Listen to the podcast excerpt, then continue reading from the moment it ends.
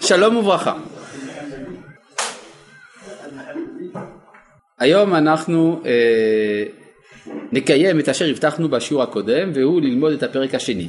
השיעור הקודם עסק במבוא לפרק השני ב, אה, של שמונה פרקים לרמב"ם. עסקנו בשאלה היכן נמצא הרצון ונכנסנו לאיזושהי מבוכה. גם אם אין לנו הגדרה מדויקת של משכן הרצון לפי משנתו של הרמב"ם, אבל דבר אחד מאוד ברור, הרצון הוא כוח, הייתי אומר, חופשי, ייחודי לאדם, ושפועל על חלקי הנפש השונים, וכל מה שנותר לנו לברר זה על איזה חלקים של הנפש. כן, בבקשה. אולי אפשר לתרץ את הרמב"ם, פי מה שהוא כן כותב, ולא להגיד שהכוח כאן.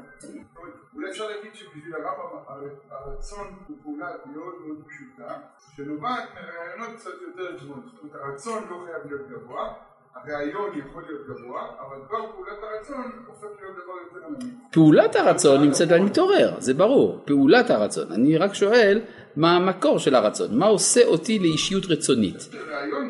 אותה שאלה אגב אפשר לשאול לגבי האלוהים בתור בעל רצון. כן? האם לאלוהים יש רצון או אין לו רצון? כן? הפילוסופים אומרים שלאלוהים אין רצון.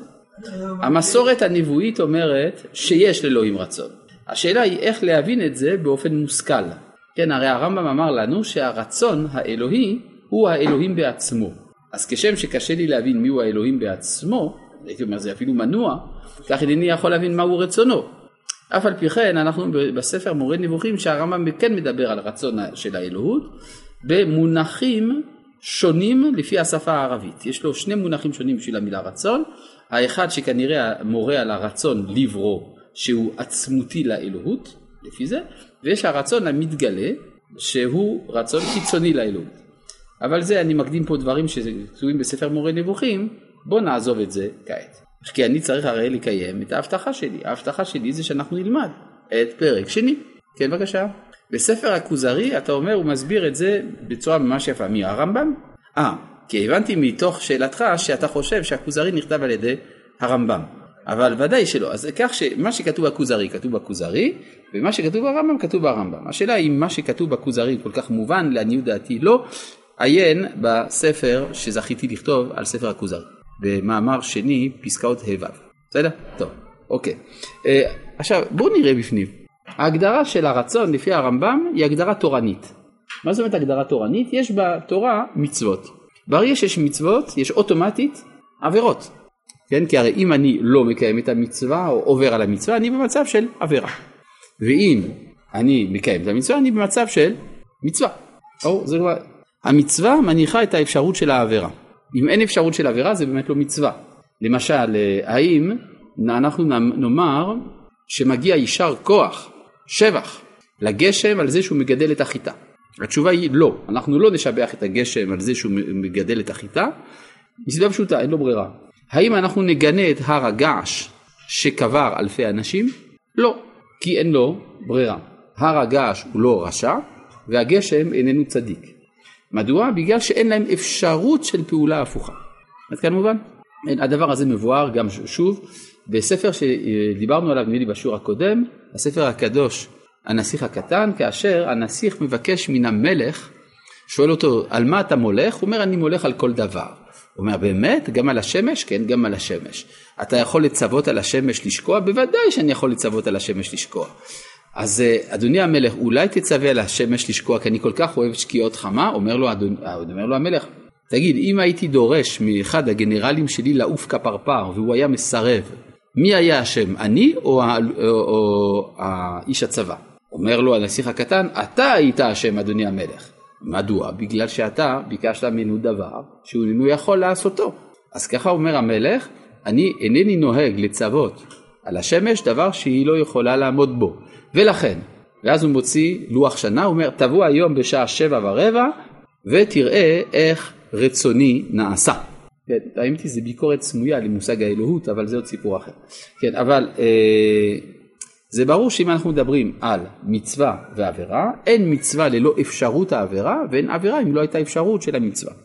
לכן אפשר לומר שמבחינה תורנית, השאלה של אם יש פה מצווה ועבירה היא אחד המבחנים האפשריים לשאלה של החירות. בואו נקרא בפנים.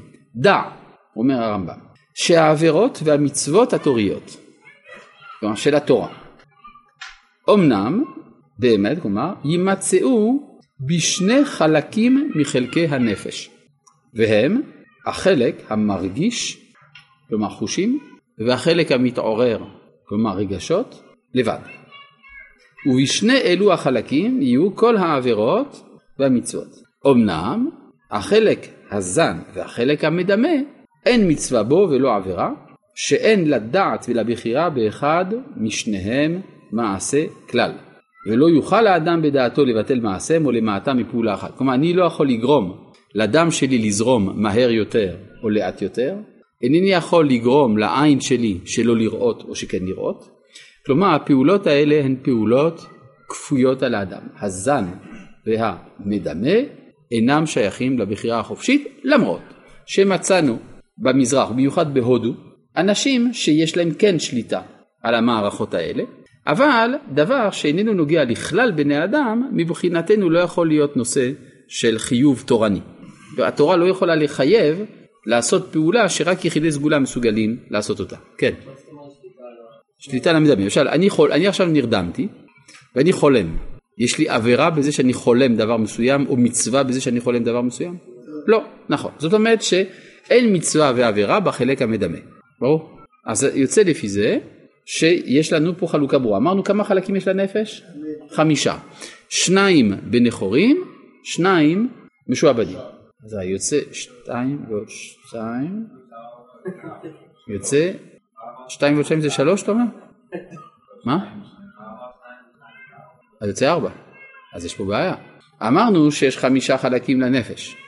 ועכשיו אנחנו שואלים את עצמנו איפה יש בחירה, אומר לי הרמב"ם בשניים כן, בשניים לא. אה, אז יש פה איזה, יש לי אינטואיטיבית הרגשה שחסר פה משהו, כן, בסדר? הרמב"ם לא ישאיר אותנו אה, במבוכה הרבה זמן, רק ניתן לו לדבר. כן, יש פה שאלה? כן, בבקשה. לא, הרהורי עבירה, זה בדיוק השאלה, מה זה הרהור עבירה? אדם מהרהר בעבירה באופן רצוני, אז זה כבר בתחום של המתעורר. כן, כלומר, אבל זה שאדם נפגש עם הזוהמה העולמית והיא גרמה לו להרהר, אין בזה כל רע. השאלה אם הוא רק מתמקד שם, זה כמו אותה שאלה מפורסמת על רבי עקיבא. רבי עקיבא ראה את אשתו של טורנוס רופוס, ואשתו של טורנוס רופוס. טורנוס רופוס, הצורר הידוע, אשתו הייתה אישה יפה ביותר. רבי עקיבא פגש אותה, אז כתוב שמה שהוא צחק, בכה, ירק וברך. עשה ארבע דברים, כן? ממש סימולטנית כמעט, כן? צחק, בכה, ירק, ברך, כן? אה, צח... אה, בכה בגלל שהוא ידע שהיא עתידה לבלוט בעפר. הוא צחק כי הוא ידע שהוא יתחתן איתה. הוא ירק בגלל המראה האסור, והוא ברך בגלל שהקדוש ברוך הוא ברא כזאת בריאה יפה. עכשיו נשאלת השאלה, שואלת הגמרא, איך הוא הסתכל? איך זה קרה? אסור להסתכל בוודאי באשת חברו, אה, אלא מה אומרת הגמרא? זה היה בקרן זווית. כלומר, הוא הלך ברחוב מהצד הזה, היא באה מהצד ההוא, זה נתקע. כלומר, על זה אין לו, אין טענה נגד רבי עקיבא, נכון? אלא אם רבי עקיבא היה ממשיך את ההתמקדות, זה כבר, את ההתמקדות ביופייה, זה כבר בתחום המתעורר, וזה אסור, בסדר? אוקיי, אז אם כך, יש, כן. אדם שלא הולך עם ציצית לא עשה עבירה. הוא לא ביטל שום מעשה, אין שום ביטול עשה בזה שאדם לא לובש ציצית. מה? סליחה, אני רוצה לשמוע אותו, מה אתה אומר? לא? לא? לא? אם אדם לובש בגד של ארבע כנפות ולא מניח בו ציצית, אז הוא עובר על עשה, זה נכון. אדם לא לבש בגד כזה, הוא לא עובר על שום דבר. הלאה. אה, אם כך, אה, יש לנו פה הבחנה ראשונה, הבחנה תורית, כן? על פי התורה אנחנו מחליטים שיש חלק שהוא, שיש בו מצווה ועבירה, חלק שאין בו מצווה ועבירה, על פי זה אנחנו יודעים אם הוא בן חורין. אז אני חוזר פה שוב ללשונו של הרמב"ם, למרות שכבר קראנו. למה אני עושה את זה? כי זה טוב לחזור מדי פעם. דע שהעבירות והמצוות התוריות אמנם יימצאו בשני חלקים מחלקי הנפש והם החלק המרגיש והחלק המתעורר לבד, ובשני אלו החלקים יהיו כל העבירות והמצוות. אמנם החלק הזן והחלק המדמה, אין מצווה בו ולא עבירה. כלומר, אסור לי לאכול אה, חזיר, מה זה? כלומר אסור להכניס אותו למערכת העיכול. אבל נגיד הכנסתי אותו למערכת העיכול, האם יש לי איסור לעכל את החזיר? התשובה היא לא, אין לי איסור כזה, כי זה כבר בתחום הזן, זה כבר לא תלוי בי. שאין אה, מצווה בו ולא עבירה, שאין לדעת ולבחירה באחד משני מעשה כלל, ולא יוכל האדם בדעתו, או בכוונה ברצונו, לבטל מעשיהם או למעטם מפעולה אחת. הלא תראה, עכשיו הרמב"ם מביא לנו קריטריון שני, שהוא קריטריון אוניברסלי בלי קשר ליהדות, והוא השינה. ששני החלקים האלה, רצוני לומר הזן והמדמה, יעשו בעת השינה הפעולה המיוחדת להם. מה שאין כן בשאר כוחות הנפש. כלומר, האדם ממשיך לפעול במסגרת הזן ובמסגרת המדמה גם בשעה שהוא ישן. וכשהוא ישן אין לו לאדם בחירה. יש אפילו מדרש יפה שאומר שכאשר הקדוש ברוך הוא הרדים את האדם הראשון, המלאכים אמרו לקדוש ברוך הוא נו בשביל זה בראת את העולם. אחד מחוסר הכרה, מחוסר בחירה, מה בשביל זה, כן? אמר תחכו קצת, אה, אחר כך את הזוג הראשון, זה, זה משהו. כן? אותו דבר מצאנו לגבי והנה מלאכי אלוהים עולים ויורדים בו בסולם של יעקב. יש אה, תיאור גם כן קצת הומוריסטי של המדרש שהמלאכים אה, ירדו למטה כי הקדוש ברוך הוא אמר להם תראו יש מישהו למטה שכדאי לכם לראות ואז הם ירדו וראו אדם ישן. אמרו טוב אם זה ככה זה לא מעניין. אז הם עלו בחזרה ואז הם ראו את כיסא הכבוד וכיסא הכבוד חקוקת דמותו של יעקב אבינו. אז אה, זה מי שראינו למטה, אז כדאי לרדת שוב כדי לראות. לכן, אז זה נאמר, והנה מלאכי אלוהים עולים ויורדים בו. כלומר, השינה היא לכאורה דבר מגונה לאדם. הרי האדם הוא בעל הכרה, ופתאום הוא ישן. חייב להיות איזשהו סוד מאחורי הדבר הזה. יש כמה פרקים נפלאים של הרב קוק בספר אורות הקודש חלק ג' על השינה של הצדיקים. כן, הרי הגמרא אומרת ש... לכאורה שינה זה טוב לרשעים, זה לא טוב לצדיקים, אבל יש גם ערך לשינה של הצדיקים, זה אה, נושא לימוד בפני עצמו. על כל פנים, אומר הרמב"ם, אתה רוצה לדעת מה חופשי באדם ומה לא. מה שלא, זה מה שממשיך בזמן השינה. כן. למה אדם מועד לעולם בין ער בין אדם מועד לעולם בין ער בין ישן. אז אה, דנו כבר בזה בעלי התוספות והרמב"ן, אה, באיזה אופן האדם הוא מועד לעולם. למשל אם אדם הולך לישון ליד כלי זכוכית, אף על פי שבשעה שהוא נרדם עדיין הוא לא שבר שום דבר, הוא יהיה חייב לשלם. מדוע? בגלל שהוא יודע, כאשר הוא הולך לישון ליד כלי זכוכית, שבשינה הוא יתהפך וישבור אותם.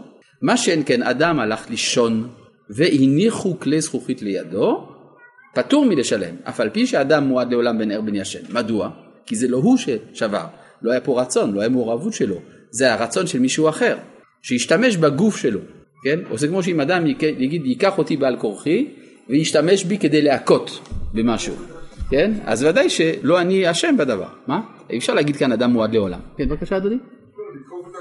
כן, למשל, כן, ודאי, לוקחים בן אדם, קושרים אותו, זורקים אותו על תינוק, חס וחלילה. התינוק מת. מי צריך להיהרג על זה? כן? מי שהשליך את האדם, לא האדם המושלך. או אף על פי שהאדם מועד לעולם. אז אם כך, יש לנו פה שתי הגדרות כדי לדעת איזה חלק הוא חופשי ואיזה חלק הוא לא חופשי. החלק שיש עליו מצווה ועבירה, או החלק שאינו פועל בזמן השינה, הוא החלק החופשי. או נגיד את זה אחרת, מה שאין בו מצווה ועבירה, או ממשיך לפעול בזמן השינה, הוא המשועבד ולא שייך לתחום המוסר.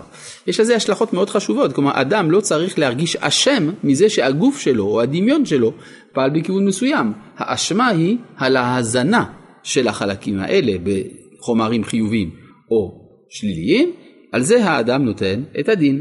אז אם כך, כפי שאמרנו, יש לנפש חמישה חלקים, שניים חופשיים, שניים לא חופשיים. אז מה חסר לנו? על איזה חלק לא דנו? על החלק השכלי. אומר הרמב"ם, אך השכ... החלק השכלי יש בו מבוכה. אה, מה זאת אומרת יש בו מבוכה? יש מקום לספק. האם השכלי הוא בן חורין או לא בן חורין? למי יש מבוכה? אצל מי המבוכה הזאת? אצל הפילוסופים, כן, לפילוסופים יש קושי עם החלק השכלי, אינם יודעים להגדיר אותו בצורה ודאית, האם הוא בן חורין או שמא הוא לא בן חורין. האם יש ספק כזה גם לרמב"ם עצמו? התשובה היא לא, למה? כי אחר כך הוא אומר את דעתו, בהמשך הוא אומר את דעתו. אז אם כן הוא אומר יש בו מבוכה אצל הפילוסופים. וצריך לברר מה המשמעות של הספק הזה, מה פירוש הדבר, האם השכל שלי הוא בן חורין או לא בן חורין. הנטייה, הרי, נו, מה? בוא, בוא, בוא, בוא נבדוק משהו. לפי הפילוסופים, השכל לא טועה. או נגיד את זה אחרת, אם שני אנשים בעלי נתונים שכליים שלמים יוצבו בפני איזושהי שאלה, הם יגיעו שניהם לאותה המסקנה, כן? משום שהלוגיקה מחייבת.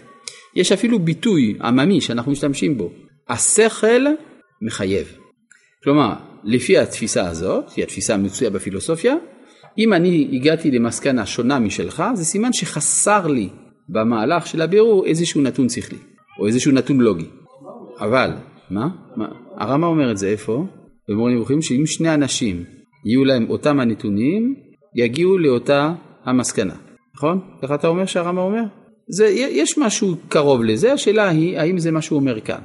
ואז נצטרך לבדוק האם זה מתאים למורה נבוכים. אבל בכל, בכל מקרה, אנחנו רואים דבר מאוד מעניין. יש בעולם אנשים חכמים ביותר, ביניהם גם פילוסופים גדולים ביותר.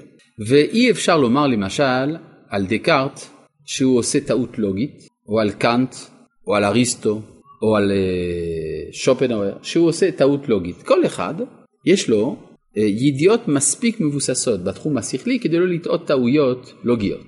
ואף על פי כן הם מגיעים למסקנות הופכיות, לא רק שונות אלא הופכיות ממש. איך זה יכול להיות? כלומר מבחינה ניסיונית אנחנו עדים לכך שהשכל מגיע למסקנות הפוכות זו מזו.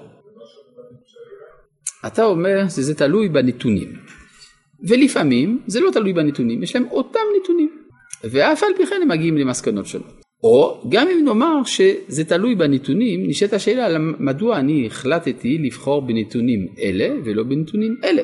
כלומר,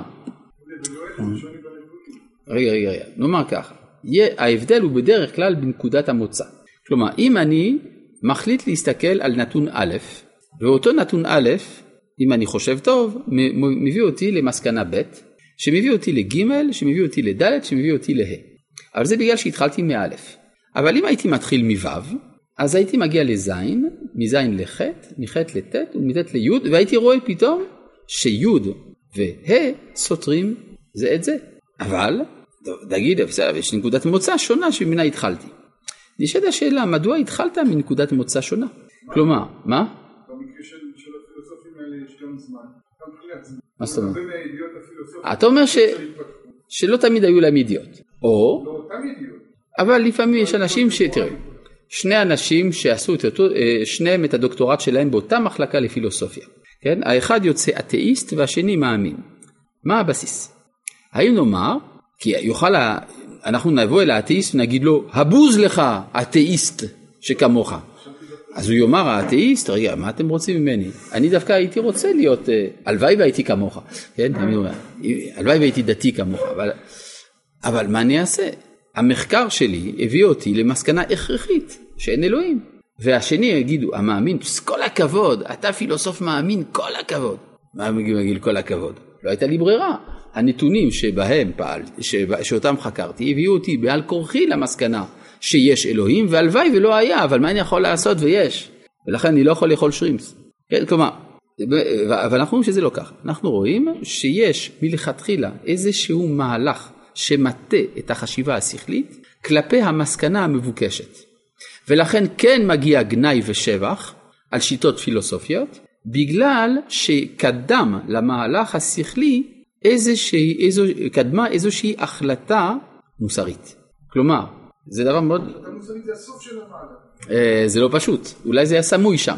כלומר, אם אתה, אולי, מה- אולי, אולי למה שאתה קורא פה החלטה, החלטה מוסרית קודמת זה פשוט סך הידיעות אפריורי שהיו לשניהם, שהם פשוט שונות. כן, אבל- לגמרי, כי זה גדל בבולגריה וזה גדל בזה. אבל, אבל אנחנו רואים שזה לא כך, שזה לא תלוי, שזה לא תלוי הנתונים הראשונים, כן? כלומר, יש לפעמים מהלכים שכליים שמונחת בהם איזושהי מסקנה מוסרית סמויה. אז זה לא שכלי. נכון, לכן יוצא לפי זה שהשכלי הוא מוטה על ידי הרצון. עכשיו, יש פה בעיה.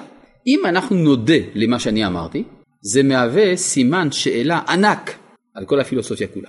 כלומר, אם אתה תאמר בעצם שכל פילוסופיה היא סובייקטיבית, גם על המדע. כן, אבל המדע הוא שימושי, כן?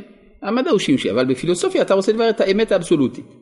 ואתה אומר, רגע, רגע, דע לך שזה מוטה על ידי רצון, על ידי אולי שורש נשמה, או, כן, יש פה, אז נשאלת השאלה, מה התקפות של הפילוסופיה בכלל? עכשיו, זאת הסיבה שאצל הפילוסופים יש מבוכה בשאלה הזאת. כן, מה שהרמב"ם אמר כאן, החלק השכלי יש בו מבוכה, זה משום שעבור הפילוסוף, השאלה הזאת היא מסכנת את כל פעילותו כפילוסוף. מצד שני אי אפשר שלא לשים לב לזה, מה אתה אומר? האם הרמב"ם הוא פילוסוף? התשובה היא הרמב"ם הוא לא פילוסוף. האם הוא ידע את מה שעמנואל קאנט? השאלה אם הרמב"ם הוא סובייקטיביסט, אני לא בטוח. אבל יש פה מקום לדיון. אבל רגע, רגע. אבל אני רוצה אולי לתת לכם ציור מהמדמה, שאולי קצת יעזור. יש כלי שקוראים לו מאזניים, מכירים? כן. הכלי הזה שנקרא מאזניים, הייתה לו צורה פעם, שהיום כבר לא קיימת, זה היה שתי קערות. אתם זוכרים פעם היה דבר כזה, מוכרים את זה בכל מיני חנויות לאנטיקות וזה. אז יש, כן? כלומר, זה היה שתי קערות שקשורות לאיזה מוט, והמוט הוא אה, עומד באמצע, ולפי ה, אה, המשקל מצד אחד והדבר הנשקל מצד שני, אפשר לדעת מה משקלו של הדבר. השכל של האדם דומה למאזניים?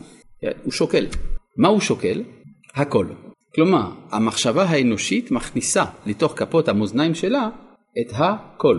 יש רק דבר אחד שמאזניים, גדולות ככל שתהיינה, לא יכולות לשקול את עצמן. או נגיד את זה אחרת, אינן יכולות לשקול את הנקודה שבה הן אחוזות. יש מקום שבו המוט הזה שמחזיק את שתי הקערות תפוס. את זה המאזניים לא יכולות לשקול. או נגיד את זה אחרת, הקריטריון המקורי של התבונה איננו ניתן להשגה על ידי התבונה.